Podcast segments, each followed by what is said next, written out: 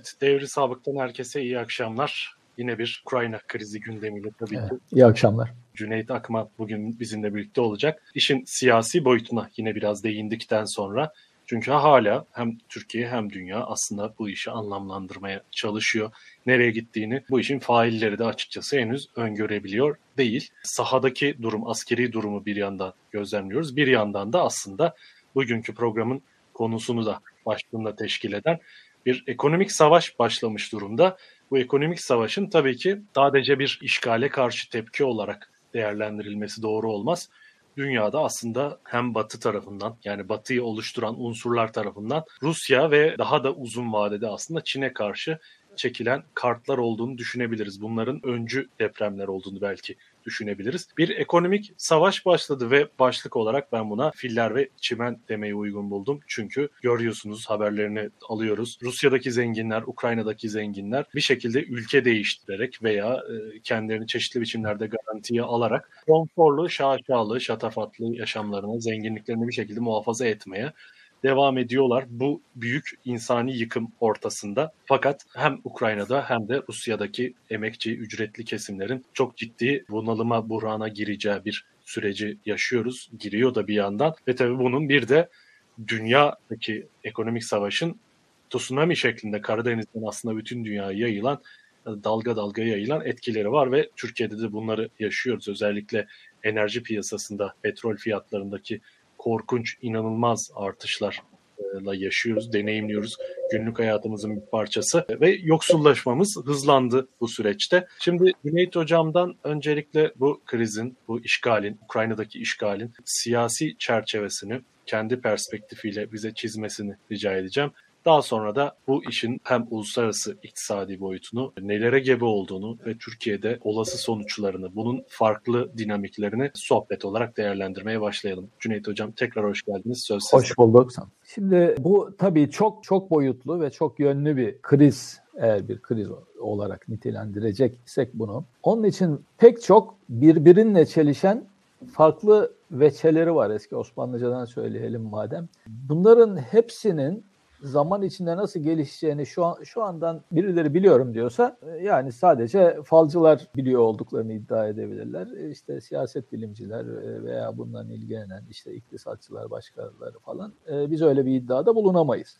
Ama olan gelişmeler hakkında bazı yorumlarda bulunabiliriz. Nadiren biraz genişçe de olsa e, uluslararası iktisadi ve politik cebelleşmeler üzerine yazılar yazdım. Bunlardan bir tanesi. Bunları e, akademiye Edu hesabımda ilgilenenler bulabilir. İki tane şey hakkında, iki tane yazı hakkında özellikle değinmek isterim. Bunlardan bir tanesi 11 Eylül'ün hemen ertesi günü yazmaya başladığım bir yazıydı. Genişçe bir yazıdır. Dünyadaki sanayi gelişmelerini, devletler arası ilişkileri inceleyen işte 150 senelik bir perspektifi olan bir şeydi ve orada onun adını derin darbe koymuştum. Adı da öyledir ve dünyanın bambaşka bir dünyaya evrileceği, çok ciddi bir problemlerin arka arkaya yaşanacağı, çatışmaların yaşanacağı bir şey olarak bunu anlatmıştım o zaman. Hem ekonomik hem de uluslararası politika analizi idi. Merak edenler oraya bir göz atabilirler. Orada Rand Corporation Amerika'nın en büyük ve ilk think tank'idir. Zannediyorum bir ara 40 bin kişi falan çalışıyordu yani.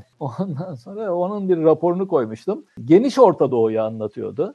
Yani bizde Büyük Orta Doğu diye şey, Greater Middle East diye. Greater Middle East'in bir ucu Bosna'da, bir ucu Afganistan'daydı. Dikkat edin her yerde savaşlar orada patladı. Afganistan Savaşı da tıpkı bundan 100 yıl önceki, ondan 100 yıl önceki Afganistan Savaşı gibi aslında Çin'i ve Hindistan'ı içine alan bir egemenlik savaşıydı. İşte o zaman İngilizler biliyorsunuz girmişlerdi. Gene sonra arkasından Ruslarla cebelleşmişlerdi falan. 100 yıl sonra bunların aynısını yaşadık. Hedef büyük ölçüde o zamandan da söylendiği gibi Çin'di. Çin ve Rusya diye o zaman da söylüyorlardı ama asıl hedefin, asıl korktuklarının Çin olduğu belliydi. Şimdi Amerika Çin'i bir zamandır erken bir mücadeleye zorluyor. Trump bunu ticaret savaşlarıyla yaptı. Zaten işin uluslararası olarak ekonomik ilişkilerinde, siyasetin de çığırından çıkmaya başladığı zaman odur. 2018. Onun zirveye çıktığı 2019'dur. Dünya buradan kendini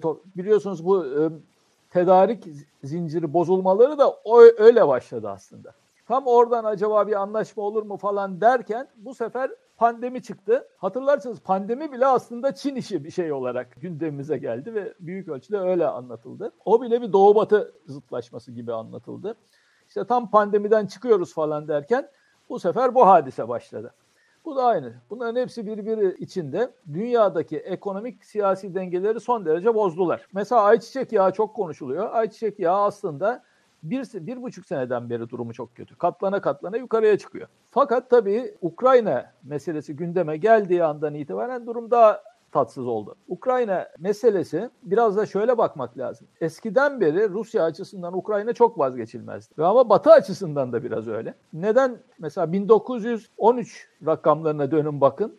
Ben bazen 13-14 meselesine dönmeyi seviyorum bu krizlerde.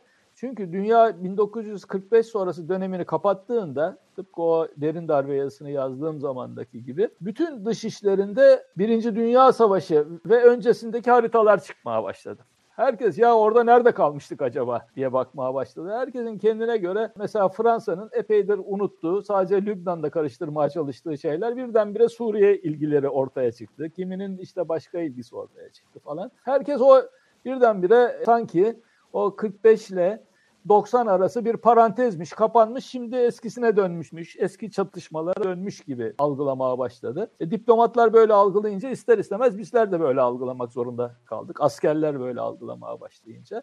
Böyle bir durum var şimdi. O sıralarda yazdığım yazılarda o dönemlerde bu emperyalizm denilen şey artık biraz demode gibi anlatılıyordu. Ya işte bunlar geçmiş şeyler falan diye. Yazının sonunu şey diye bitirmiştim. Ya şimdi hakikaten bu geçtiğimiz dönemde bildiğiniz anlamda bir emperyalizm hani zorlama anlatıldı. Ama emperyalizm ne demekmiş? Yakında görürüz diye ve Irak hadisesi oldu ve Afganistan hadisesi oldu hatırlarsınız. Şimdi bir tarafı bu. Batı'nın böyle bir artık köpeksiz köyde şeysiz yani değneksiz de gezerim. Hatta bir tek değnekle ben gezerim. Herkesin kafasına vururum anlayışı ortaya çıktı. Tarihin Orada, sonu tezleri ortaya ha, atıldı. Ha, tabii tabii. Şimdi orada Ukrayna'da ama bir sonraki dönem açısından önemli. Niye önemli? Ukrayna doğunun başladığı yer tıpkı Türkiye gibi batının da bittiği yer. ama ikisinin tam ortasında. Hatta kendisi bile böyle ikiye ayrılmış vaziyette buradaki doğu ve batı kavramlarını kültürel olarak anlatıyorum. Yani siyasi olarak anlatıyorum ya da. Aslında ee, jeopolitik bak, olarak da Batı tabii. açısından, Avrupa açısından birazcık tırnak içinde büyük düşman Rusya'ya karşı bir evet. tampon bölge, Batı'nın ön cephesi gibi düşünülebilir. Yani en azından evet. o konumda o konuma yerleştirilmeye tabii, çalışıldı tabii. uzun bir süre. Rusya açısından Ukrayna Doğu Avrupa'da geçmişte egemenliğini veya işte vesayetini oluşturacak ilk adım yeriydi. Batı açısından da Rusya'nın içine girilecek ilk adım yeri. Yani Hitler bile Ukrayna üzerinden girmeye çalışmıştı. Şimdi böyle de bir şeyi var. Kendisi açısından da bu. Ukrayna'nın doğusu kültürel olarak daha başka bir şey. Batısı Geçmişte Lehistan Krallığı'nın falan çok egemenliğinde olan bölgedir orası. Daha başka bir yer. Yani bunlar çok konuşulduğu için ayrıntısına girmek istemiyorum. Ama Ukrayna'da böyle bir sorun yaşıyor. Aslında Türkiye'de biraz böyle sorun. Ukrayna birçok bakımdan Türkiye'ye çok benzer yani. İkincisi Ukrayna'nın şöyle bir şeyi de var. Yine madem ki 1900'lerden bahsettik. Rusya açısından. Bakın o dönemde Rusya'da kömürün %76'sı Ukrayna'dan çıkıyordu. 57'si demir cevherinin Ukrayna'dan çıkıyordu. Donetsk havzasına daha o zamandan sanayi kurulmuştu. Çünkü ham maddeler oradaydı zaten. Onun için Rusya'nın ondan kolay kolay vazgeçmesi aslında bir hayli zor. Böyle bakmak gerekirse. Ukrayna'nın bir başka şeyi daha var. Ukrayna eğer gerçekten bırakınız NATO'nun içinde olması, nötr bile olmuş olsa Rusya tarafından tahammül edilemeyecek bir yer. Niye?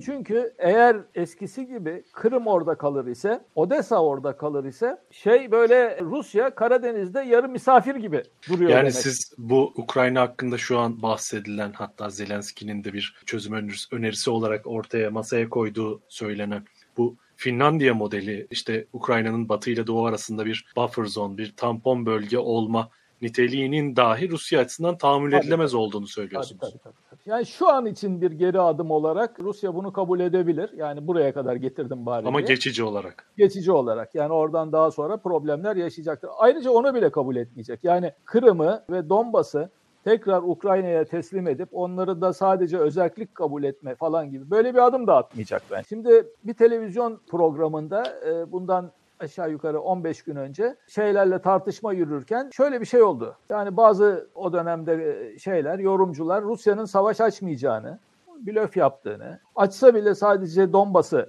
alacağını, sınırlı tutacağını söylediğinde ben o kayıtlarda da vardır. Hayır dedim bunlar Rusya'ya girecek oraya ve sadece Donbas'ta falan değil bütün Ukrayna'da bu operasyonu yapacak. Siz Nitekim iki gün önce. Operasyondan evet. iki gün önce böyle bir şey yazmıştınız yanlış. Evet yazdım. Ondan iki gün evet. önce de programda söylemiştim. Ee, biraz daha genişçe.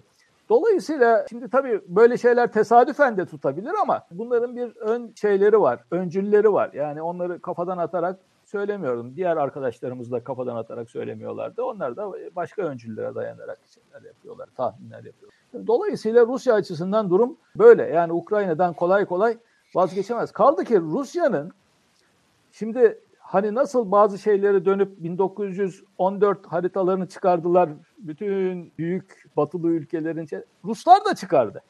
Evet. Şimdi bakın Bolşevik dönemi onlar için de bir parantezdir. Onun için biraz öncesine gidelim. Ruslar yani Büyük Rusya o zamanki tabiriyle Çarlık döneminde daima Ukrayna'ya arkadaşça bakmıştır.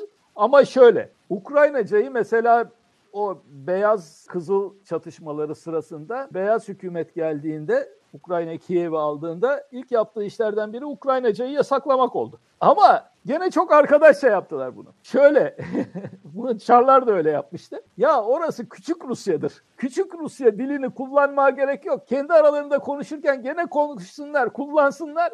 Ama böyle resmi yerler, şeylerde falan küçük Rusya dilini lütfen kullanmasınlar.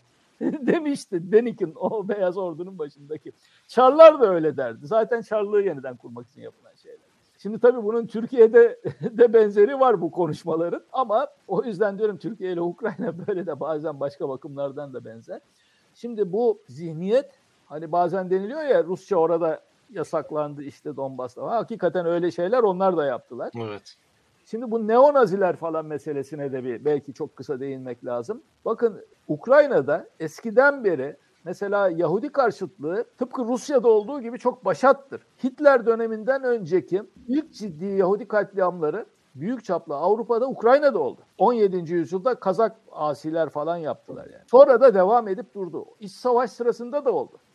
Yani düşünün işte mesela bazen okuyorum bu şeyler Ukrayna nasyonalistleri işte böyle Yahudi karşıtıdır, efendim Nazidirler falan diye anlatılıyor. Doğru işlerinde bunlar var ve çok yaygın. Bunun bir sebeplerinden bir tanesi de Ukrayna çok köylü bir topluluktu ve Ukrayna'da garip bir şekilde şehir düşmanlığı yaygındı.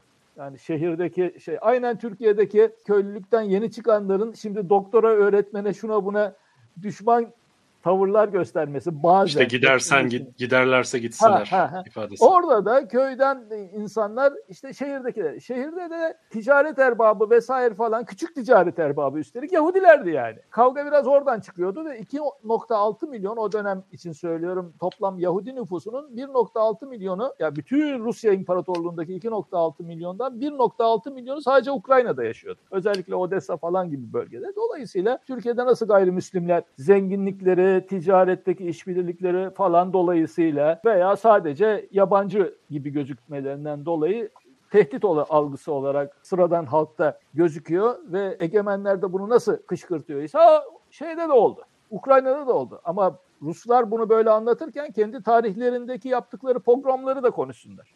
Eğer öyleyse Rusya Yahudi halkına büyük pogromlar yapan, pogrom dediğimiz büyük katliamlar yapan bir ülkedir. Tarih boyunca yani. Yani Ukrayna'da olan onun küçük örneğidir. Yani Şimdi, 500 yıllık bir Rus tarihi yazılacaksa bunları da eklemek e, tabii gerekiyor. Onları içine. da Putin'in, Şimdi, Putin'in birazcık ihmal yani, ettiği olgular Yani oralardan cımbızla çekip bak Ukrayna'da bunlar yapılıyor diye. E, aynı şeyler öbür tarafta da yapıldı. Onun için bunları böyle şimdi savaş malzemesi gibi sen bunu yaptın sen şöylesin. Efendim evet Naziler Doğu Avrupa halklarının içinde o dönemki Bolşevizme karşı örgütlemek için şeyler oluşturdular. Örgütler ve kitlesel yapılar oluşturdular. Bunların bazıları nasyonalist çevrelerin bir kısmı da bu nazilere iltihak etti. Çünkü büyük Rus devletinden ancak böyle kurtuluruz diye düşündüler onların kafasındaki. Ve ama şunu da söyleyelim.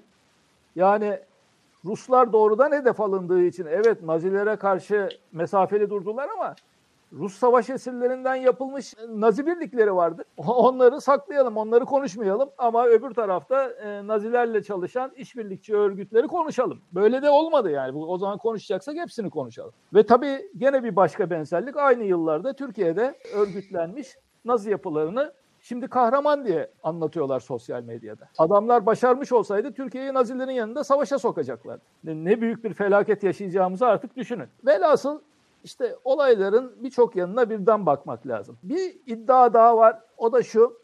Ya biz kandırıldık diyor Rusya. Ya bize NATO genişlemeyecek diye söz verdi. Ondan sonra da sözünü tutmadı. Bu hem doğru hem yanlış. Niye hem doğru hem yanlış? Birincisi eğer o belgeleri okuyacak olanlar var. Bir kere yazılı anlaşmaya bakacak olsak genişlemeyeceğim diye bir şey yazmıyor. Evet bunlar sözlü.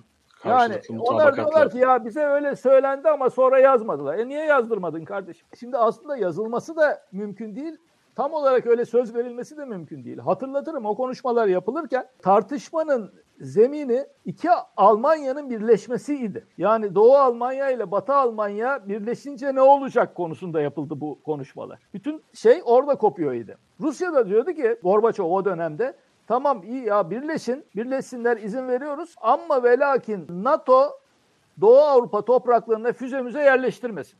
İlk önce NATO da kendini küçültsün. Varşova Paktı zaten çözülmeye başlıyordu yavaş yavaş ama çözülmemişti. Ondan sonra onlar onu reddettiler. Doğu Avrupa konuşulmadı çünkü daha Varşova Paktı vardı. Sovyetler Birliği'nin içinde NATO'nun genişlemesi konuşulmadı çünkü Sovyetler Birliği de vardı.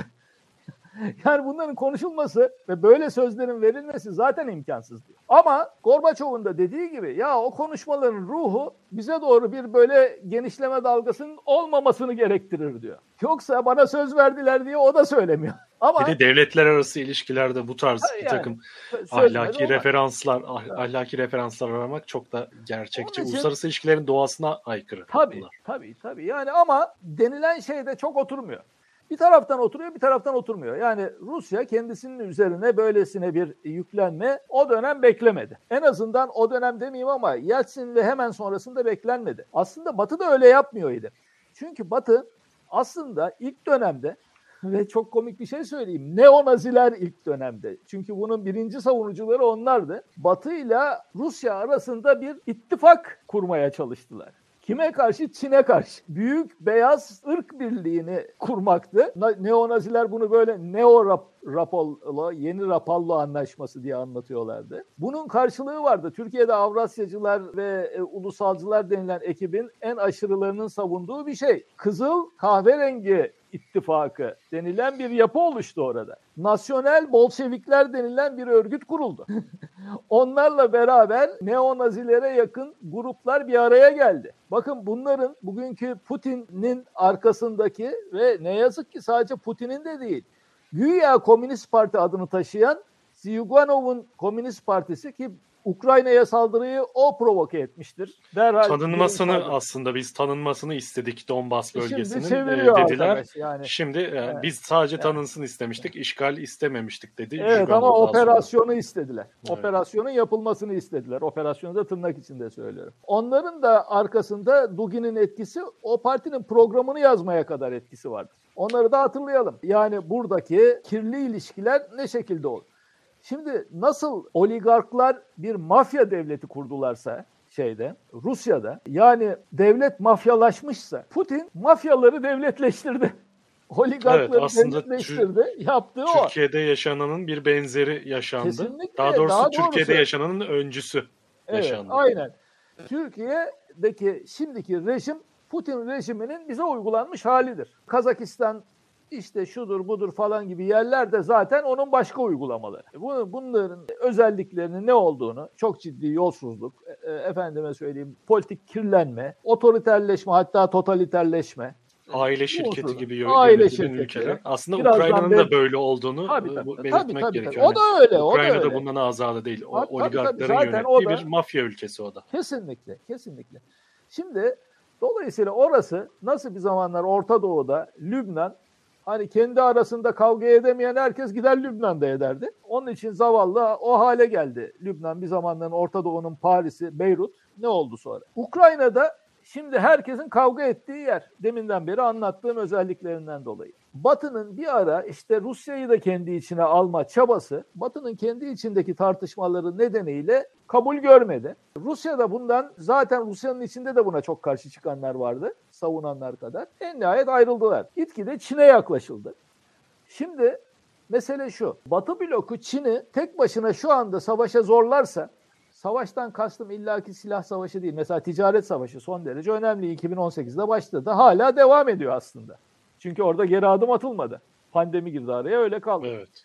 Ondan şimdi bakın Çin burada devamlı alttan almaya çalıştı. Çok köşeye sıkışmadığı müddetçe anlaşmaya daha yakın gözüktü. Çünkü mevcut düzenden Çin karlı çıkıyordu. Savaş açısından da Amerika her seferinde Güney Çin denizinden donanmasını geçirdiğinde sadece protestoyla yetindi karşısına gemi çıkarmadı. Yani karasularını ihlal ettiğinde falan daha doğrusu iddia ettiği karasularının. Amerika açısından bu iyi. Rusya'yı da eğer tek başına yakalarsa gerçekten onun şeyini kabiliyetlerinin büyük bir bölümünü devirebilir. Aynı zamanda Rusya'nın Batı blokundan farklı bir yanı var.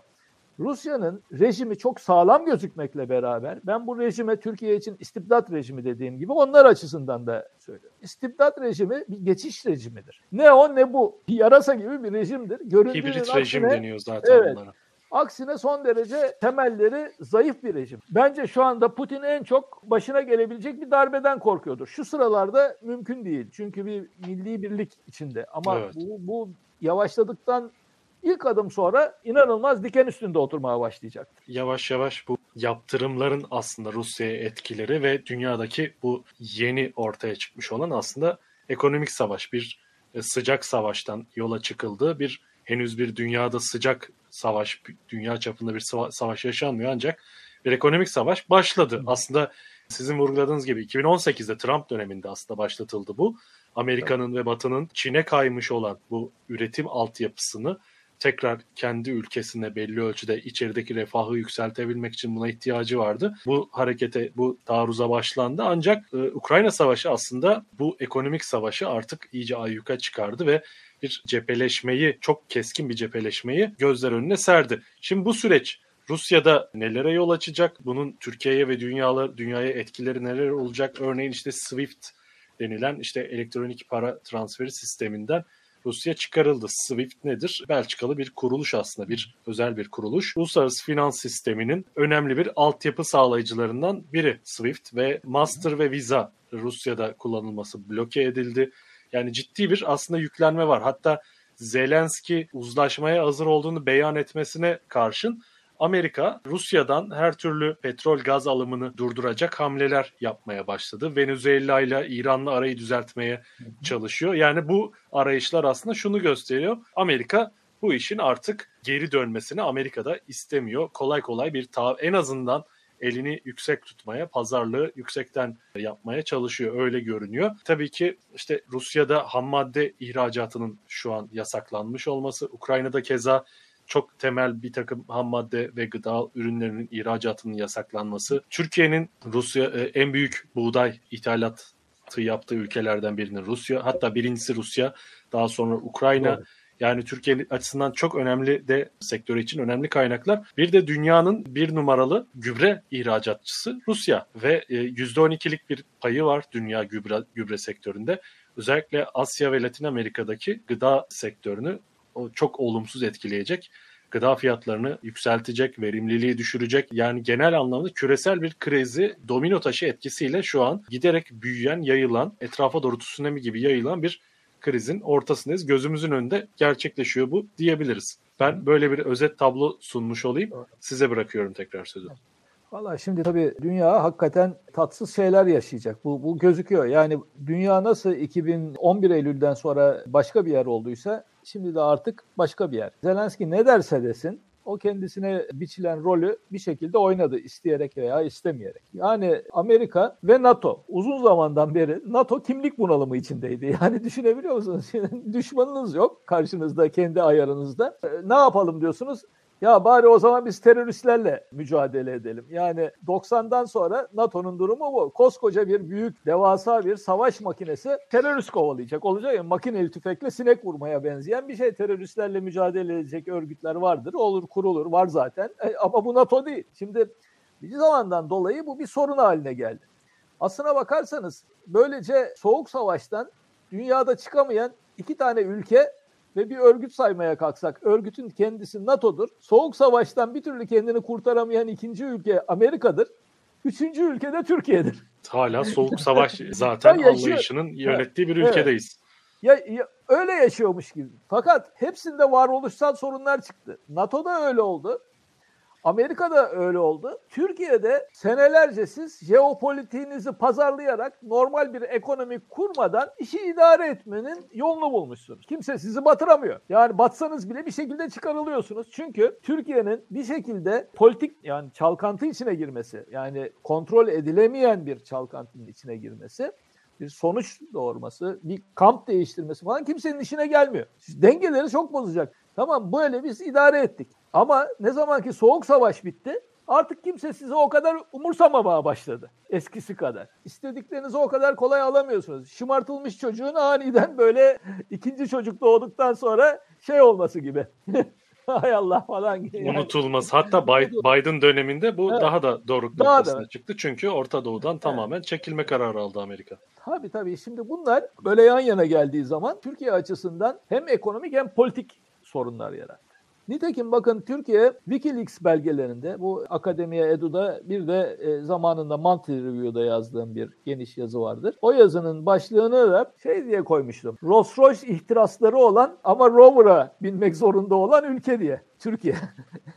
Şimdi imkanları rover olan yani evet. biz de Vosvos diyelim hadi ona.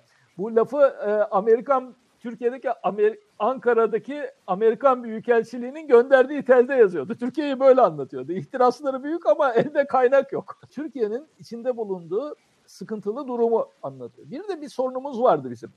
Biz artık bir şekilde bir, hani eskisi gibi kendi içimize kapalı yaşayabilmek için fazla büyük bir ekonomiye sahibiz ve nüfusa da sahibiz.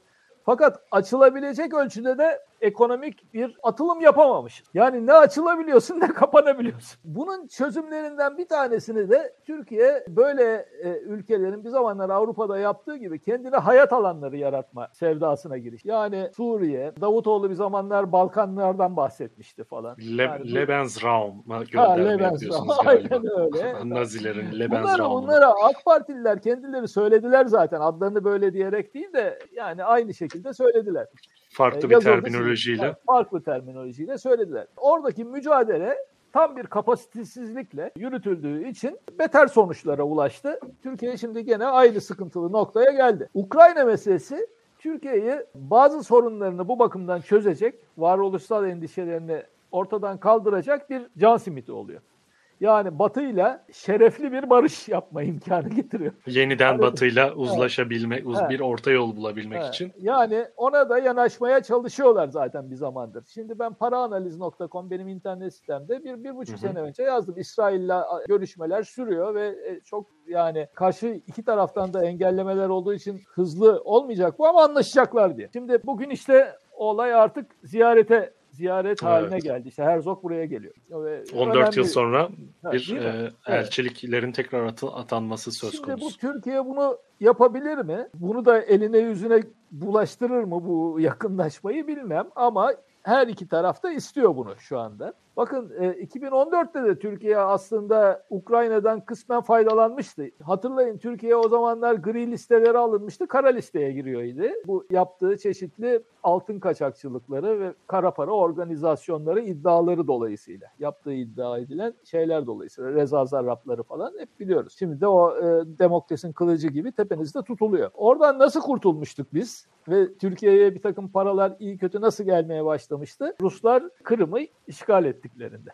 O zaman da Halk TV'de program yapıyordum. Türkiye açısından bu can sıkıcı bir dönemdir ama içinde böyle bir fırsat yaratacaktır diye aynen öyle gerçekleşti. Bunlar hani özel olarak işte nasıl da bildim diye söylemiyorum. Bunu benden beraber birçokları dünyada bildiler. Herkes de yazdı. Çünkü çok kör gözüm görünen bir şeydi yani. Yanlış anlaşılmasın. Şimdi Türkiye açısından hem bir fırsat var ama hem de bu fırsat maalesef Türkiye açısından iyi bir şey değil. Bakın Türkiye biraz önce siz Finlandiya meselesine değindiniz. Dünyada Finlandiyalaşma diye bir terim var. Uluslararası literatürde çok daha iyi bilirsiniz benden. Finlandiyalaşma Rusya'nın etkisinin dışında ama batıya yakın olmakla beraber batı blokuna girmeden çünkü Rusya'dan korktuğu için ve ama seçtiği hükümetleri bile Rusya ile acaba şunu seçersek Ruslar çok bozulur mu diye seçen bir halktır yani e, şeydir, ülkedir. Finlandiyalaşma öyle bir ülke. Çünkü neden? E, gayet haklılar. Şimdiki topraklarının neredeyse tamamına yakın bölümü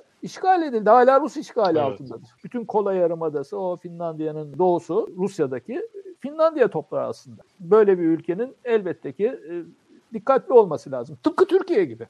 Türkiye de böyle şeyler yaşadı. Böyle bakıldığında ama iki şey oldu bazen alay etmek maksadıyla yani şaka olsun diye söylüyorum. Finlandiya ile bizim aramızda bizim şanssızlığımız bizim memleket coğrafyada yatay duruyor. Onlar dikey duruyor.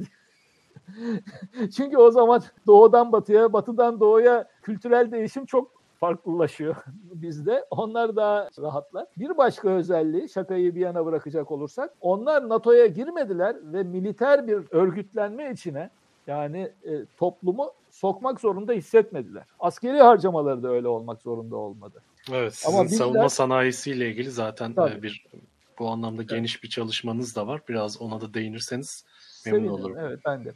Yani dolayısıyla Türkiye şimdi tekrar Batı kanadının ileri karakolu pozisyonunu kabul edip eh ekonomik olarak iyi kötü işte biraz rahatlarız falan gibi. Yani bu akmaz kokmaz batmaz akmaz, çıkmaz. kokmaz, batmaz çıkmaz. Aynen öyle. O nokta ama o nokta iyi bir nokta değil. Ne siyaseten iyi ne toplumsal olarak iyi ne ülkenin demokratikleştirilmesi açısından iyi.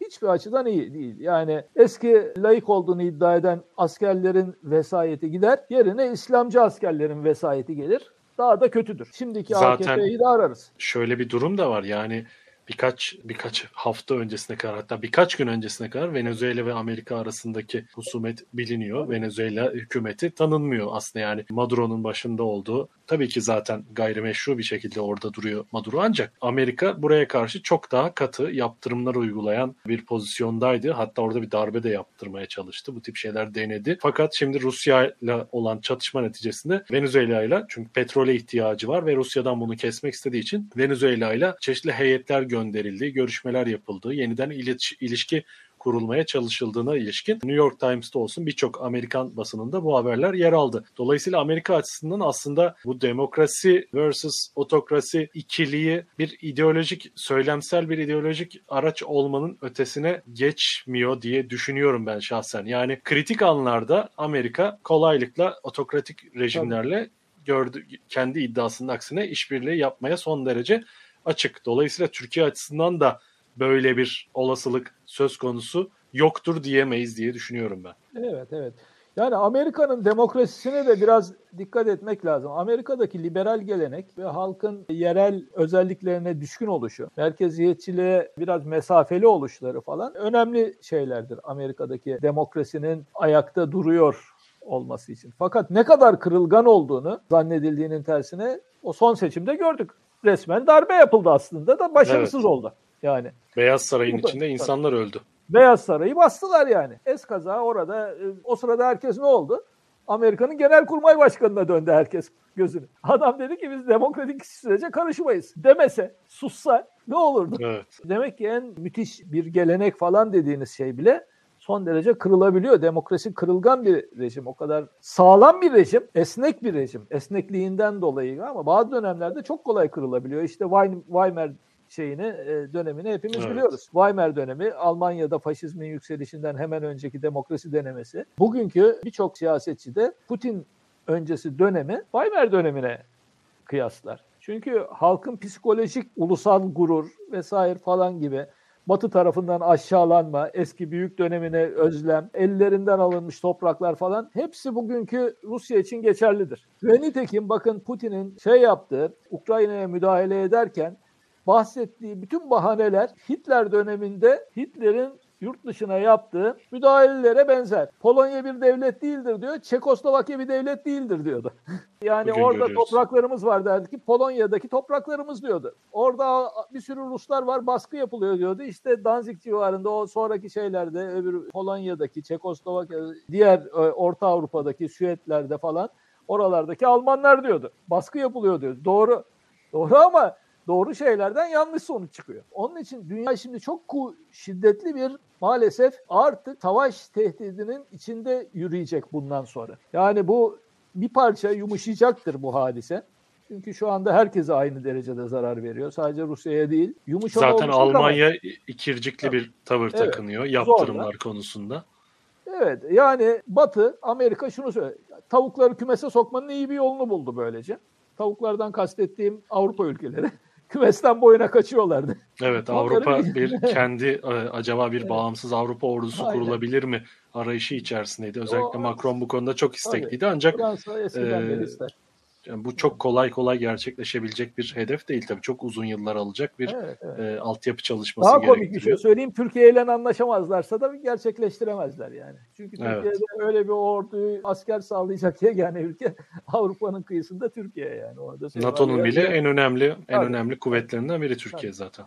Onun için şimdi işin bir tarafı bu ama bakın dünyada ne oluyor? 2010 yılındaydı galiba. Şimdi rakamları ben de yanlış söylemeyeyim. Şöyle bir göz atarak söyleyeyim. Evet evet yani 2010 yılında bakın dünyadaki silah şeyi, silahlanma o rekor bir yıldı. Gerçekten çok şiddetli bir silahlanma olmuştu. 1.6 trilyondu silahlanma miktarı, e, ona harcanan para. Bugün 2 trilyonu geçmiş vaziyet. Üstelik arada insanların doğru dürüst buna para harcayan yani dünyanın devletlerin harcayamayacağı çok kötü bir pandemi dönemiyle geçti bunun iki senesi. Ondan önce de işte Çin ticaret savaşı ve 2019'daki işte repo çalkantılarını falan hatırlarlar. Yani pek öyle para harcayamadıkları 3,5 seneden hesaba katsanız bile inanılmaz bir miktarda gene buraya para harcanmış ki daha bu hiçbir şey. Yani 2 trilyonun önümüzdeki günlerde biz çok rahat 200 sene içinde 2,5 trilyona çıkacağını tahmin edersek bu çok abartılı bir tahmin olmaz. Maalesef ikinci büyük bir tehlike daha var.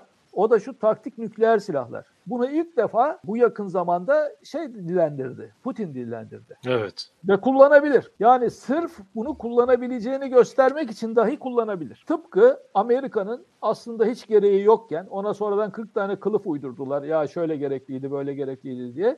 İki tane atom bombasını Japonya'ya atması gibi. Zaten yenilmiş bir Japonya'nın üstüne niye attı? Sonraki dünya düzeninde bak bende bu var diye gösterebilmek için attı. İşin gerçeği o. Taktik nükleer silahlar büyük balistik füzelerin dışında etkisi sınırlı olarak kullanılabiliyor.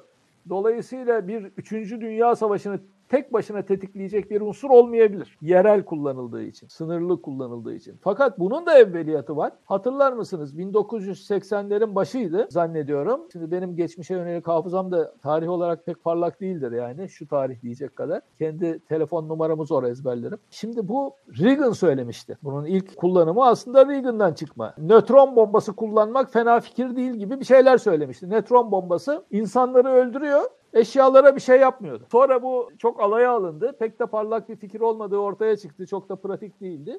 Fakat Amerika'dır bu taktik nükleer silahları ilk geliştiren. Ondan sonra da bir başka kuşatma. Yani şimdi mesela hep kuşatma konuşuluyor ya böyle yani NATO etrafını çevirdi vesaire falan diye. O çevirme aslında filanca yerlerin NATO'ya almak ötesinde yine Reagan döneminden kalma bir yıldız savaşları hatırlayın. Yani daha eski teknolojili balistik nükleer silahları engelleyebilecek ve diğer nükleer silahları bir füze savunma sistemi. Kızılca kıyamet orada kopmuştu Sovyetler Birliği ile Amerika arasında ve sonra bir uzlaşmaya gidildi. Şimdi bir zamandan beri Amerika ve NATO bakın Kürecik'ten başlıyor Litvanya'ya kadar gidiyor. Bir radar ağı çevirdi yeni ülkelerle ve oralar aynı zamanda bir füze sistemleriyle beraber çalışıyor bu. Yani eğer doğru dürüst geliştirmezse yeni silah sistemlerini bir zaman sonra onun elindeki eğer iş ayrıca uzayda bir şeye girmezse Rusya'nın elindeki nükleer silahlar kuvvetli bir tehdit olmaktan çıkar ya da az e, tehdit özelliği azalır.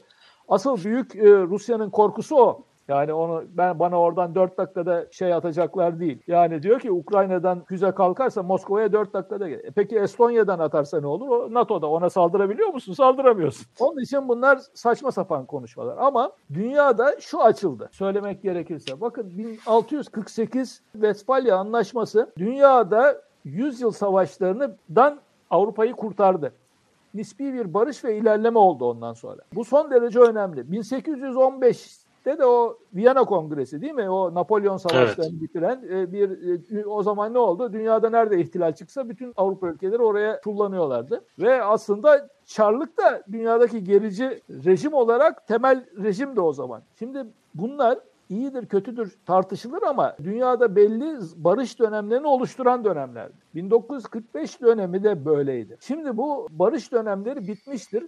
Bakın deniliyor ki bunu Amerika başlattı Irak'a ve Afganistan'a saldırarak. Doğrudur ama bunu ben de yazdım. Ama tabu olan Avrupa'dır. Çünkü Avrupalıların genel ve dünya batı blokunun genel şeyi o yani Afrika'da her şey olabilir, Asya'da her şey olabilir, Avrupa'da olamaz ama. Bu ama önemli bir şeydi. Çünkü... Yani uluslararası, uluslararası hukukun 1945 evet. düzeninin aslında büyük ölçüde Avrupa içi veya Batı içi, tabii. Atlantik içi tabii. bir ahengi gözettiği. Tıpkı 1815 tabii, tabii, tabii, tabii işte Viyana düzeni gibi, 1648 düzeni gibi aslında bir tür büyük güçler arası dengeyi Aynen gözeten öyle. bir sistem. E tabi 1945 e, küreselleşmenin ve teknolojik getir, e, gelişmelerin getirisiyle daha bu uluslararası hukukun, normların küresel ölçüde e, daha fazla yayılabilmesini, işte bu modernleşmenin hızla dünyaya bir kurumsal tek tipleşme, demokratikleşme tırnak içinde demokratikleşme dalgasıyla dünyanın çeşitli yerlerine bir küresel ölçüde yayılabilmesi için biraz daha gelişkin bir sistemdi tabii ki 1815'e göre. Ancak tıpkı 1648 ve 1815 öncesindeki gibi ve 1945 öncesindeki gibi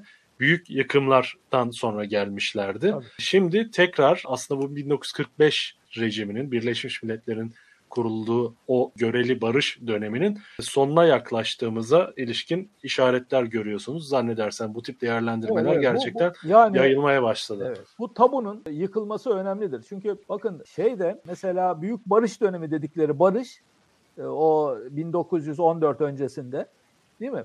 Aslında bütün dünyada savaş, sömürge savaşlarının olduğu dünyanın muazzam çileler çektiği bir dönem. Barış dedikleri, kastettikleri barış ne? Avrupa'da Avrupa. savaşmıyor. Yani Avrupa'daki savaşacak olan ülkeler gidiyorlardı. Başka yerlerde vekalet savaşları yapıyor. O onun sömürgesi, o onun sömürgesi ama Avrupa'da savaşmıyorlardı. Şimdi bu olay mı? Diyeceksiniz ki ya bu iki yüzlük falan ama bu tabu yıkıldığı andan itibaren bu tabu altın sisteminin yıkılmasıyla yıkıldı. Efendime söyleyeyim dünyada ekonomik dengesizliklerin aşırılaşmasıyla yıkıldı. Bir sürü başka şeyler söyleyebilirim. Genel olarak liberal düşüncenin ortadan kalkışıyla veya da, daha doğrusu şey oluşuyla, moda olmaktan çıkışıyla da ilgisi oldu. Otoriter rejimler, dirijizm tekrar şey yaptı. Şimdi bakın aynı dönemleri yaşıyoruz. Trump bir cins dirijizm hareketiydi aynı zamanda. Yani dirijizm dediğim işte devletin sağcı bir şeyi, ekonomik müdahaleciliği. Amerika'da bu gelenek olmadığı için Trump'ın o özelliği yeterince kendini göstermedi ama her yere yayılacaktı. Şimdilik sadece bir ara verilmiş oldu. O eğilim hala kuvvet. Onun için böyle baktığımızda ne zaman ki o tabu yıkıldı, dünya korkunç bir savaş silsilesinin içine girdi. 1914'te başladı. 1945'te bit. Birinci Dünya, İkinci Dünya Savaşı aynı savaştır aslında. Tamamlanmamıştır. Tabii tabii. Şimdi dolayısıyla e, böyle anlaşmalar iyi veya kötü olsun. Yani kötüdür tabii ki o anlaşmalar. Bir kere sürdürülebilir olmayışlarından belli. Dünyadaki Birleşmiş Milletler sisteminin de 5 tane ülkenin vetosuna bağlı oluşu zaten başka bir problem. Ama bunların yıkılması korkunç bir dönemi açar. Benim en büyük korkum Ukrayna bu tabuyu yıkmış durumda. Bu tabu evet, yıkıldıktan Ukrayna sonra işgali. Evet, bu tabuyu yıktı. Yani ben canım isterse Avrupa'daki bir ülkeyi işgal edebilirim dedi biri. Buralar eskiden benimdi. Ee, şimdi ha, tekrar eskiden. benim olacak. Herhangi bir başka uluslararası meşruiyete Tabii. ihtiyacım, uluslararası hukuki meşruiyete en azından söylemsel olarak dahi ihtiyacım yok. Aslında bunu yaratmaya çalışıyor Rusya. İşte e, özellikle Nazi vurgusuyla Ukrayna'da Naziler var, Nazi örgütlenmesi var. İşte burayı Naziler kontrol ediyor gibi bir takım gerçeklik, haklılık payı olmakla birlikte büyük ölçüde bir aslında propaganda, bir psikolojik harp malzemesi olarak Ukrayna'daki Ama e, aynı yöntemde yarın, yarın Türkiye'ye demiş olsa evet, şimdi dese evet. ki Kars Ardahan benim de eskiden evet işgal etmişti onundu değil mi? Sonra e, biz Bolşeviklerle anlaşarak aldık. değil mi? Savaşarak da oradaki Ermeni Cumhuriyeti'ni e, kovalayarak.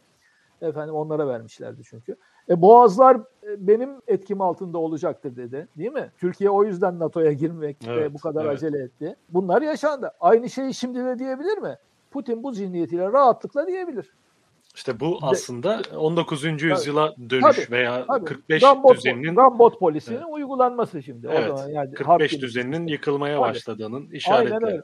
E dese ki neonaziler var sizde. Çünkü ülkede şu anda iktidardaki partilerden bir tanesi bütün dünyada neonazi olarak adlandırılıyor. Öyle değil mi? Evet. O parti haklı veya haksız der ki yok kardeşim bizim ne alakamız var zaten diyor. E ama şeydeki Ukrayna'daki Azov taburu da diyor ne alakamız var bizim Nazilerle kardeşim diyor yani. O, onların da öyle söylemleri var. O söylemlere bakacak olursan. Kendilerinin tabii bu yani o Azov taburu gibi bir takım grupların açıkça Nazi simgeleri kullandıkları ve kendilerinin Nazi olduğunu kabul ettikleri Hayır hayır. Ayrı bir, bir hadise. Şöyle de bir şey var. Birçokları şimdi o eskiden de şu anda birçokları soruyorsun ya kolunda svastika var diyorsun. Ya bu Rusları kızdırmak için diyor. En son yapılan röportajlar okuyun bizim Nazilerle ne alakamız var diyor. Ve bu, bunların bazıları zaten kendilerini Nazi olarak da görmüyorlardı. Şimdi Nazilerle şeyin yani ona bakarsanız Türkiye'deki Milliyetçi Hareket Partisi'nin adı Franco'nun hareketinin adı yahu. Şimdi konuşalım.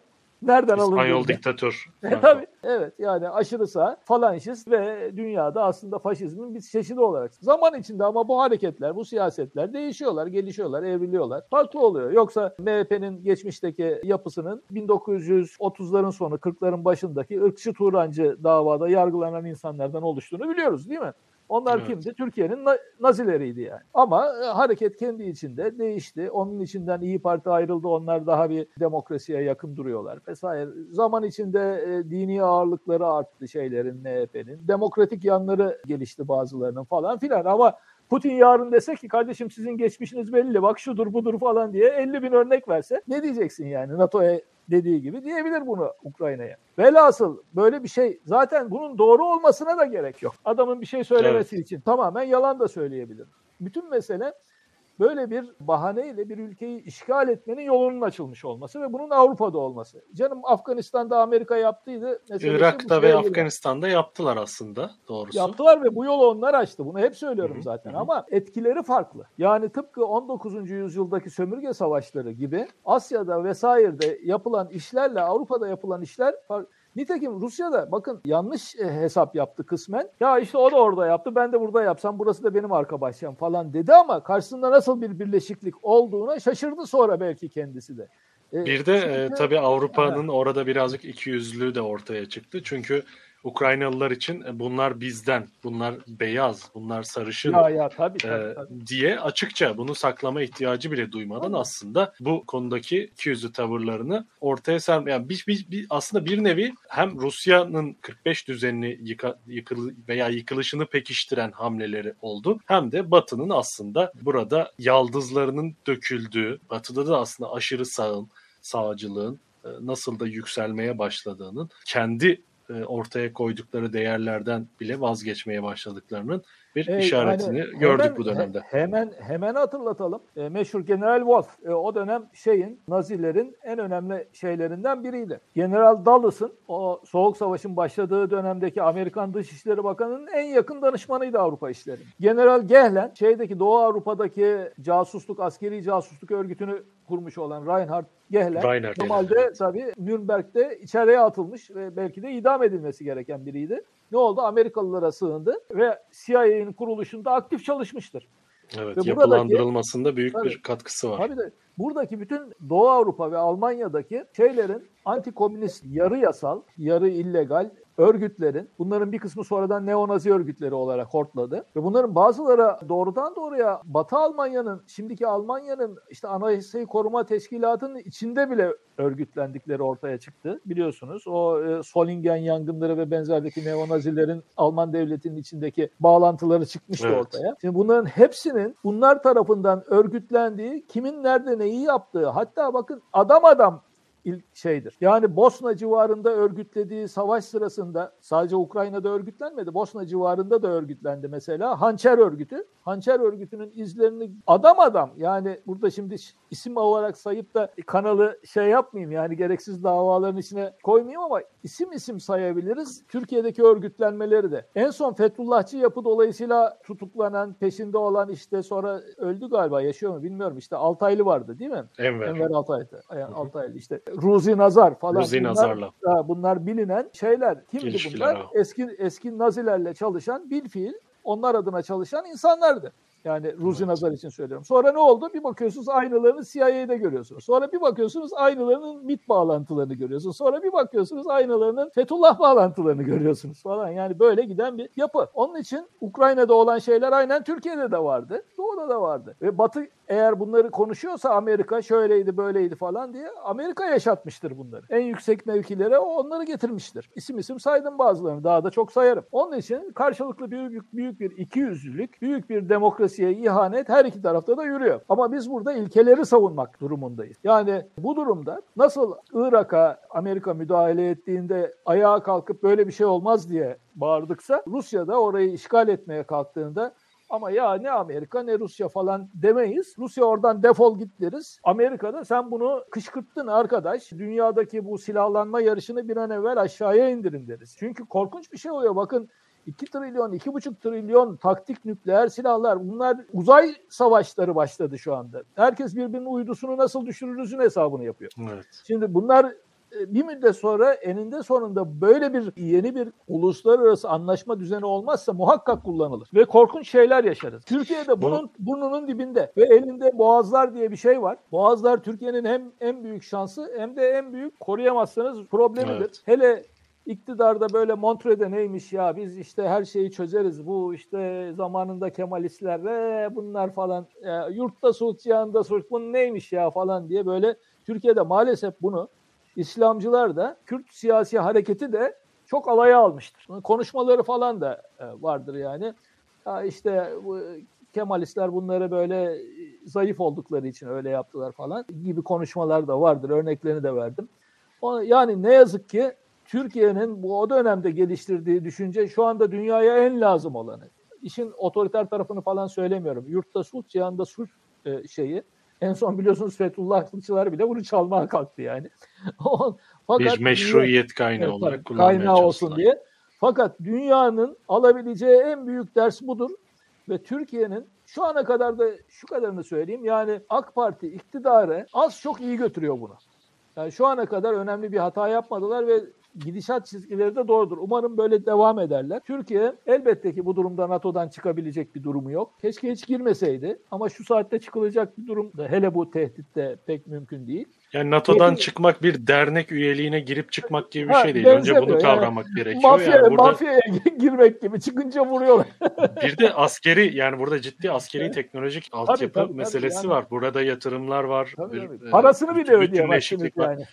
E, F-35 örneğin yani bu iktidar sayesinde F-35'ler bu iktidar nedeniyle o projeyi kaybetmiş bulunuyoruz. Ancak Türkiye'nin orada çok büyük Tabii çok büyük katkısı bir vardı ve çok çok büyük avantajlar Büyük elde edecekti oradan. yani Yani bunlar uzun zamana yayılan aslında süreçler Yok, bu tip aynı e, şekilde düşünüyorum. Ama- biçimlenmesi. ama mesela Türkiye'nin yaptırımlara Birleşmiş Milletler tarafından karar alınmadığı müddetçe ki onu almak da çok zor malum. Yaptırımlara katılmaması doğrudur. Çünkü kendisini doğrudan taraf haline getirir. Evet. Yani Türkiye'nin bu kadar taraf olması doğru değil şu aşamada. Kendisine Çok da kırılgan bir ekonomisi varken Tabii. aslında birazcık ona Hele de- ben hele evet, de şu anda- yapmak istiyorum. Onun için normal şey. Türkiye birçok bakımdan da yani 2001 yılındaki yazdığım gene yazılardan birinde en iyi köylü ölü köylü diye bir yazı yazmıştım. Çünkü bir ara öyle bir düşünce vardı ki ya bu köylüler ne kötü. Hatta köylü diye hakaret edilmeye başlanmıştı insanlara ya. Yani köylü müsün sen falan diye. Şimdi Allah aşkına ne etti bu köylüler size? Tamam yani köylülüğün bir sürü şeyi vardır. Yani sıkıntılı özellikleri vardır. Şehirliliğin de öyle, kasabalılığın da öyle. Ben siz ondan 10 tane sayın, ben de öbüründen 20 sayayım yani. Ama Türkiye köy yapısını tasfiye ederken bunu bir plan zaten çünkü tasfiye oluyordu. Böyle alelece ben sana 10 milyar dolar para vereyim sen orayı tasfiye et diye bir formülün içinde bu yapıldı. Sonunda Türkiye köylerin şehre gelişinden bir işçi sınıfı çıkarmadı. Bir lümpen proletarya sınıfı çıkardı. Evet, sosyal yardımlara bağımlı bir şey. Tabii. Lümpen proletaryayı şey geniş tanımıyla söylüyorum. Yani evet. köylülükten çıkmış ama şehirleşememiş, işçileşememiş, proleter ama toplama proleter. Lampın biliyorsunuz lamp organik hale gelmeyen bir araya toplanmış şeye derler. İşte bu yapı. Ha, bunların içindeki dejenerasyon sonra mafyayı çıkarır, sonra fuhşu çıkarır, sonra işte başka şeyleri çıkarır. Ama e, lümpen proletarya sanıldığı gibi onlardan ibaret değildir. Türkiye şu anda ciddi bir sınıfsızlaşma problemi de yaşıyor aslında. Onun için de kültürel olarak ne yaptığını da bilmiyor. Oy verme şeyleri falan da değişti. Bunu maalesef son 20-25 yılda yaşadık biz ve korkunç bir şekilde yaşadık. Bunu niye söylüyorum? Yani parantez içinde açtım ama bunu niye söylüyorum? Türkiye bu arada tarımını mahvetti. Yani köy tarımını ortadan kaldırdı. Yerine mesela alternatif yapmak istediği kapitalist çiftçilik, büyük çiftçilik modelini de getiremedi. Getiremedi ve daha fazla dışa bağımlı, kaynak evet. açısından dışa bağımlı hale getirdi. Aynen öyle. Sonunda ne evet. olduğuna belli olmayan bir tarım sistemimiz var. O tarım sistemi de yürümüyor işte. Yayından Böyle önce olunca... bir tweet gördüm, onu paylaştım. Bir e, haber kanalının Twitter hesabı. Rusya'da biliyorsunuz Tayyip Erdoğan işte Putin'le görüşmeler yapıldı. Orada bazı ticari gemiler, ayçiçekli ticari gemiler bekletiliyordu, tutuluyordu. Çıkma, Odessa'dan çıkmalarına izin verilmiyordu Rusya tarafından. E, o görüşmeler neticesinde bunların Türkiye'ye gel gelmesi için müsaade alındı. Ve fakat böyle bir haber çok da kallavi önemli bir haber kanalının hesabından son dakika olarak paylaşılıyor ve gelen yine Güldem Atabay'ın para analizde de yazan Güldem Atabay'ın tweet'i yine e, o veriyi paylaşmış. Bu gelen gemilerde 6000 tonluk bir yağ var. Yani korkunç büyüklüğü e, olan bir miktardan da bahsetmiyoruz ancak o kadar ciddi bir dışa bağımlılık ve kırılganlık içerisindeyiz ki bu tarım ürünleri konusunda. 6000 tonluk yağ Türkiye için bir son dakika haberi olarak geçilebiliyor şu an. E öyle tabii çünkü panik başladı. Fakat panik dünya çapında da var. Mesela e, Hindistan e, 1 milyarlık bir ülke. Yağında %60'ını ayçiçek yağının, onlar da bizim gibi ayçiçek yağı daha çok kullanıyorlar. Şeyden alıyor yani ithalattan alıyor. Şimdi onlar da paniğe kapalıp bir an evvel stoklayalım derdindeler. Ve ayçiçek yağı iki senedir problemli aslında. Yani iki seneden beri e, ayçiçek yağı e, fiyatları neredeyse katlanıyor her sene. Bu olaydan önce de problem. Ama iki tane konu Ukrayna bir buğday biliyorsunuz onların şeyi vardı. Çernozem denilen kara topraklar denilen son derece mümbit topraklar. Muazzam bir buğday deposu. Verimliliği çok Tarihten yüksek. beri böyle. Evet. E, aynı zamanda da ayçiçek yağı deposu orası. Ayçiçek. Bu iki konuda onlara çok bağlıyız biz. Türkiye'nin bu duruma düşmesi hem demin dediğim tarımı doğru dürüst organize edememesi hem de üstelik tabii ister istemez nüfusunun da biraz fazla artması ve yeterince e, tarımda verimliliği arttıramaması. Tam tersine toprakların bazılarının da ekilemez hale gelişi. Bunların hepsi yan yana özellikler. Bunların hepsi bir araya gelince e, 40 milyon nüfusken size yeten şey hani deniliyor ya biz kendimize yeten 7 ülkeden biriyiz ama o arada 80 milyon oldunuz. 84 evet. milyon. Aldığınız e, şeylerle de göçmenlerle de aslında 90 milyon oldunuz. 90 milyon. E, bunları doyurmanız lazım. E, bunlar o kadar kolay olmuyor.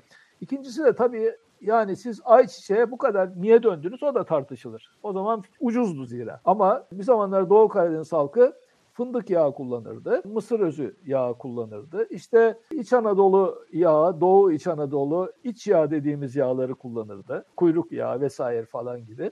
Ege silme zeytinyağı kullanırdı. Türkiye o kadar ayçiçek yağı kullanmazdı. Biraz margarin kullanılırdı. Şimdi zaman içinde margarinden vazgeçildi. Onun kötü bir şey olduğu ortaya çıktı. Tamamen değilse de çok. E, zeytinyağı pahalı olduğu için kullanılmadı. Diğer yerel yağlar teşvik edilmediği için oralardan tamamen çıktılar onlar. Artık raflarda numunelik duruyor. Türkiye anormal derecede fazla zeytinyağı şeye ayçiçek yağına dön. Türkiye sadece üretimini planlamamakla kalmıyor tüketimini de planlamıyor. Türkiye aslında hiçbir şeyi planlamıyor. Evet. Yani böyle bir problemi var. yani günübirlik piyasaya Şimdi bu kadar önemli şeyler sadece piyasaya bırakılmaz. Çünkü piyasa biraz miyobiktir. Piyasa kısa dönemler içinde gayet verimli çalışır. Fakat uzun dönemlerde o kadar verimli çalışmaz. Onun için piyasa biraz yön gösterilmesi gereken de bir şeydir. Planlamaya e ihtiyaç var. Tabii. Evet bunu yapmıyor. Yapmadığı için en çok da tarımla karşılaşıyor. Çünkü zaten tarım pek çok ürün açısından piyasanın en zor işlediği şeylerdir. Hasat zamanıyla yani malın piyasaya geleceği zamanla hangi malı malın ekileceğinin kararını verdiği zaman arası diğer sanayi mamullerine göre çok uzundur. O uzunluk dolayısıyla piyasa orada düzgün çalışmaz o kadar. Onun için bir de e, iklim koşullarına karşı da daha yani bağımlı. kapitalist ülkelerde bile bu planlanıyor arkadaş. Yani Türkiye bu nasıl? Onun için Türkiye artık bir kere bu eski kabullerini falan bir ortadan kaldırsın da doğru dürüst bir normal. Yani bir zamanlar plan dediğimiz zaman ha plan mı pilav mı komünist işi falan derlerdi. Yani Bize plan değil işi- pilav lazım. Tabii tabii. Komünist işi dedikleri Güney Kore'nin bilmem kaç bin denklemli planlama, makroekonomik planlama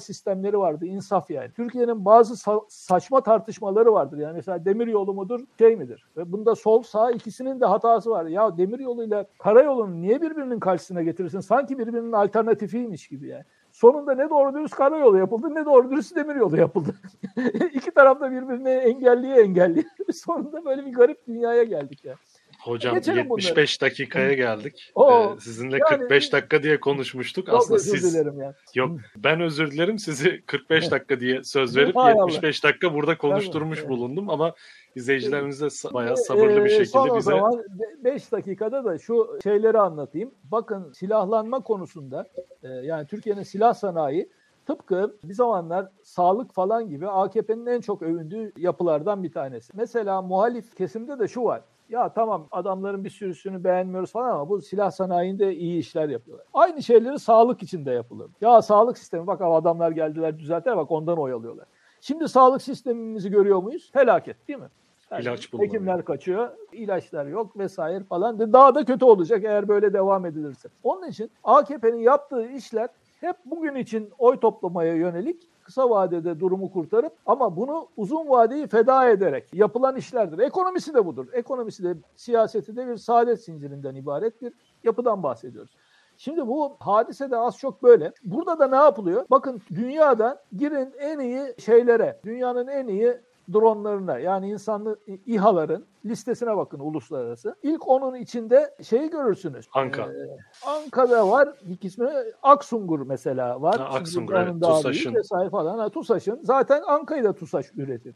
Hı hı. Şimdi bayraktar ilk ona giremiyor. Ha ne özelliği vardır TB2 bayraktarın? Daha ucuzdur. Bazı bakımlardan yetenekleri daha sınırlı ama e, şeydir yani daha kolay ihraç edilebiliyor. E tabii çünkü bir sürü kaynakları ve bilgi birikimini aslında TUSAŞ'tan alıyor. Devlet tarafından da destekleniyor falan. Şimdi bu aynı zamanda şimdi kendisinin yaptığı iyi şeylere iyiden kastettiğim yani savunma sanayinin içindeki teknolojik geliştirme vesaire falan üretim öyle şeylerden bahsediyorum. Yoksa yapılan şeyin kendisine bir değer yargısı biçmiyor. Ama şimdi bu öyle bir hale getirildi ki sanki AKP propagandası Türkiye büyük Türkiye böyle olacak. Bak nasıl yaptık, ürettik bunları. E, gitti Ermenileri şeyde yendi. E niye Ukrayna'da yenemiyor mesela? Şimdi bir birincisi bu böyle mucizevi bir şey değil. Yani böyle büyütüldüğü gibi. İkincisi aslında AKP'nin yaptığı şu kamu için üretilmiş teknolojileri kaynakları özel sektöre aktarıyor. Fakat özel sektöre de arttı, aktarmıyor. Adeta bir aile sektörüne aile aktarıyor. şirketine evet bir aile Evet, şirketine yani yapılan aktarıyor. şey o. Bakın ben kendisine aşığım diyen Ethem Sancar'a BMC'yi verdiler. BMC ne yapıyordu? Ülkenin zırhlı araç ihtiyacının bayağı bir kısmını karşılıyordu. Altay tankını da verdiler. Altay tankı yapılamadı o yüzden. Evet. Oradaki rezaletler silsilesini biliyoruz. E şimdi buradaki geliştirilmiş çeşitli teknolojilerde damatlardan birinin eline veriliyor. Kendisi başarılı, başarısız o iş adamı olarak ben ona karışmam. Ama kamu kaynaklarının böyle Nereye kullanılması ve bir iş adamın ve tabii ve bir iş adamının AKP sözcüsü gibi muhaliflere tehdit edici şeyler söylemesini zaman zaman kendisini eleştirenleri mahkemeye falan vermesine karışırız tabii yani. İkincisi de Türkiye büyük kaynaklarını buraya aktarıyor. E, bakın savunma sanayi denilen şeye aktarıyor. Ve bunlar çok başarılı şeyler de değil zannedildiği gibi. Rakamlarını söyleyeyim bakın 2005'te buranın cirosu 1,5 milyar dolardı. 2021'de Varank'ın açıkladığı, işte Varank'ın açıkladığı 11 milyar. Bakın katlana katlana arttı bunun için. Bu nereden veriliyor? Devlet bunların siparişlerini devlet veriyor. İhracatla övünülüyor ama ihracat orada bu sanayiyi ayakta tutan rakam değil. Devlet siparişleri olmasa Bu sanayi ertesi günü çöker. Çöksün demiyorum ama bakın bu yokluğumuzun içinde 11 milyar dolar bu cironun büyük bir bölümü devlet tarafından ödeniyor. Devletin verdiği siparişler bunun en az 3 misli. O siparişler de verilmiş onların ödemesi de yapılıyor. Böyle bakıldığında Türkiye mesela 2018'de yazdım. Suriye macerasıyla bu silah harcamaları beraberce düşündüğünde Türkiye'nin başına çıkmış ek maliyet 50 milyar doların üstüne çıktı. Türkiye bunu sürdüremez. Çok yakın zamanda ekonomik çalkantı yaşar diye yazdım. Ben bunu Haziran'da yazdım. İşte kahrolsun istibdat yaşasın hürriyet kitabında. O orada bütün bu harcamaların mesela bir F-16'nın bir saatte ne kadar dolar yaktığını yazdım. Bir obüs fırtına obüsünün tek bir mermisinin kaç para olduğunu yazdım. Şimdi onların üzerinden o hesaplamaları yazdım. Sayın Bahçeli bundan aldığı şeyleri açıklama diye verdi. Siz bir mermi kaç para biliyor musunuz diye. Aynen kitabımdaki paragrafı olduğu gibi arada cümle yanlışları kurmuş. Referans verdi mi size? Yok vermedi. İyi ki de vermedi yani ama e, o yazıyı açın benim kitabın pdf'ini de bulun veya şeyden göreceksiniz aynıdır yani. Çünkü zaten o rakamlar benden başka kimsede yoktu. ben oturup hesaplayarak bulmuştum. Bu kadar büyük bir ben bunu yazdım. Haziranda ortaya çıktı. Bakın 2018'de Ağustos'ta krize girdik. Herkes krizi Brunson öyle yaptı böyle yaptı. Onun tabii ki ateşleyici yanı o ama siz altınızdaki buzu o kadar incelttiniz ki o yaptığınız savaş harcamalarıyla sonucun kaçınılmaz hale getirmeye başlamıştınız. Onu söylemeye çalışmıştım. Türkiye bugün gene aynı şeyi yapıyor. Muazzam bir Bakın bunların bir üreti şeyi yok ki. O savaş sanayi, savunma sanayi deniliyor ya. Bütün bakanlıklarda 1940'lardan sonra adları evet, değişti. Savunma. Dünyada savunma sanayi bakanlığı oldu. Hepsi savaş bakanlığıydı eskiden. Evet. Adı, Harbiye nezareti. Ha, harbiye nezaretiydi işte yani. Savaş nezareti. Sonra bunlar e, ya çok kötü anlaşılıyor deyip bütün Avrupa değiştirdi adını savunma Şimdi adını değiştirdik diye bakanlıkların şeyi değişmedi yani. Onun için böyle bakıldığında bunlar üretken sanayiler değil. Bunlar kaynaklarınızı çöpe attığınız sanayiler bir kere. Koyduğunuz savaş makinalarınız 10 sene içinde demode oluyor. Oraya yatırdığınız şeyler de size bir e, ek üretim şeyi getirmiyor. Onun için eğer büyük bir ekonomiyseniz böyle bir şey katlanabilirsiniz. Amerika katlanır çünkü Amerika Irak'a niye müdahale etti? Petrol şeyleri dolarla satılabilir ise yani petrol piyasasını elinizde tutuyorsanız onları dolarla sattırırsınız. O zaman da dolar dünyada rezerv para olarak devam eder. Yani en büyük mesela Amerika'nın ihraç malı nedir? Dolardır yani.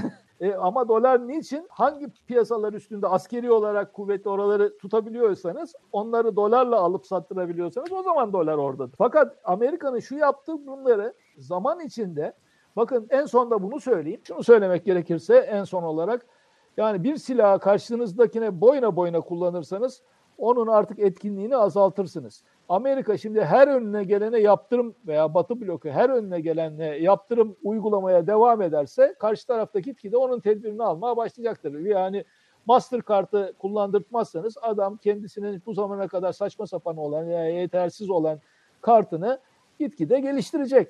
Evet, ee, teknolojik Çin altyapısını geliştiriyor. Tabii, Çin kendini tehdit altında hissederse, ya bir sonra sıra bana geliyor falan diye düşünürse, e, te, o kadar tedbiri bırakacak belki şeyle Putin'le daha içli dışlı olacak falan. Yani veya Putin Çin'e bu kadar çünkü Çin'le Rusya'nın da sınır problemleri var evet. aslında. E, oralarda da yakınlaşma olacak. Gitgide bu yaptırımlar Batı blokunu karşı tarafa bir mesela karşıya 10 zarar veriyorsa Batı blokuna da 7 vermeye başlayacak. Yani 8 vermeye başlayacak. İşlemez bir noktaya gelecek. Sıfır ee, toplamlı olarak, bir denklem olacak tabii, yani. Tabii, Kimsenin tabii. kazanamadığı Ne olacak? Bütün dünya ha, onlar sıfır toplamlı ama dünyanın toplamı eksi toplam olacak.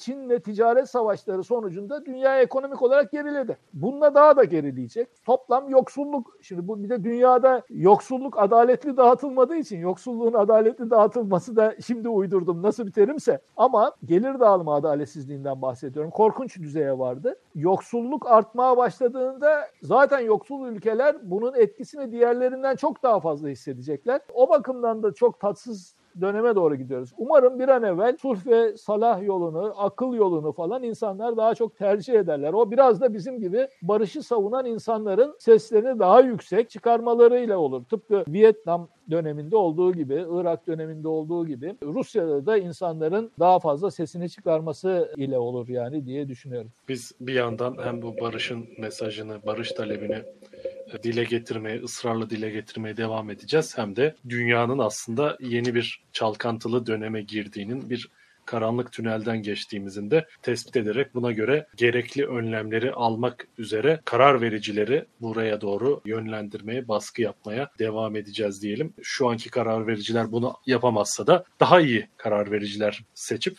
yola onlarla devam edeceğimizi umuyorum diyelim. Çünkü gerçekten zor bir süreçten geçecek dünya ve Türkiye burada doğru önlemleri almazsa, doğru adımları atmazsa burada en zararlı çıkan ülkelerden biri olabilir mevcut kırılgan yapısıyla diyelim. Hocam çok teşekkürler. Ben teşekkür ederim. 90 dakikaya Evet. yaklaşan bir yayın oldu. 45 Evet, dakika demiştim size. Ee, Evet izleyicilerin de sabrına teşekkür ediyorum. Hala Umarım kaldılarsa almışlardır. evet hala izleyenler var şu an ancak bitiriyoruz artık programı.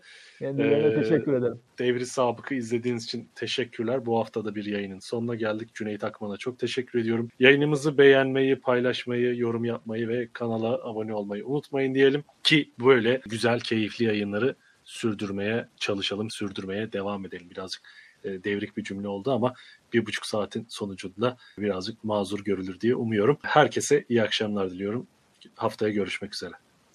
İyi akşamlar.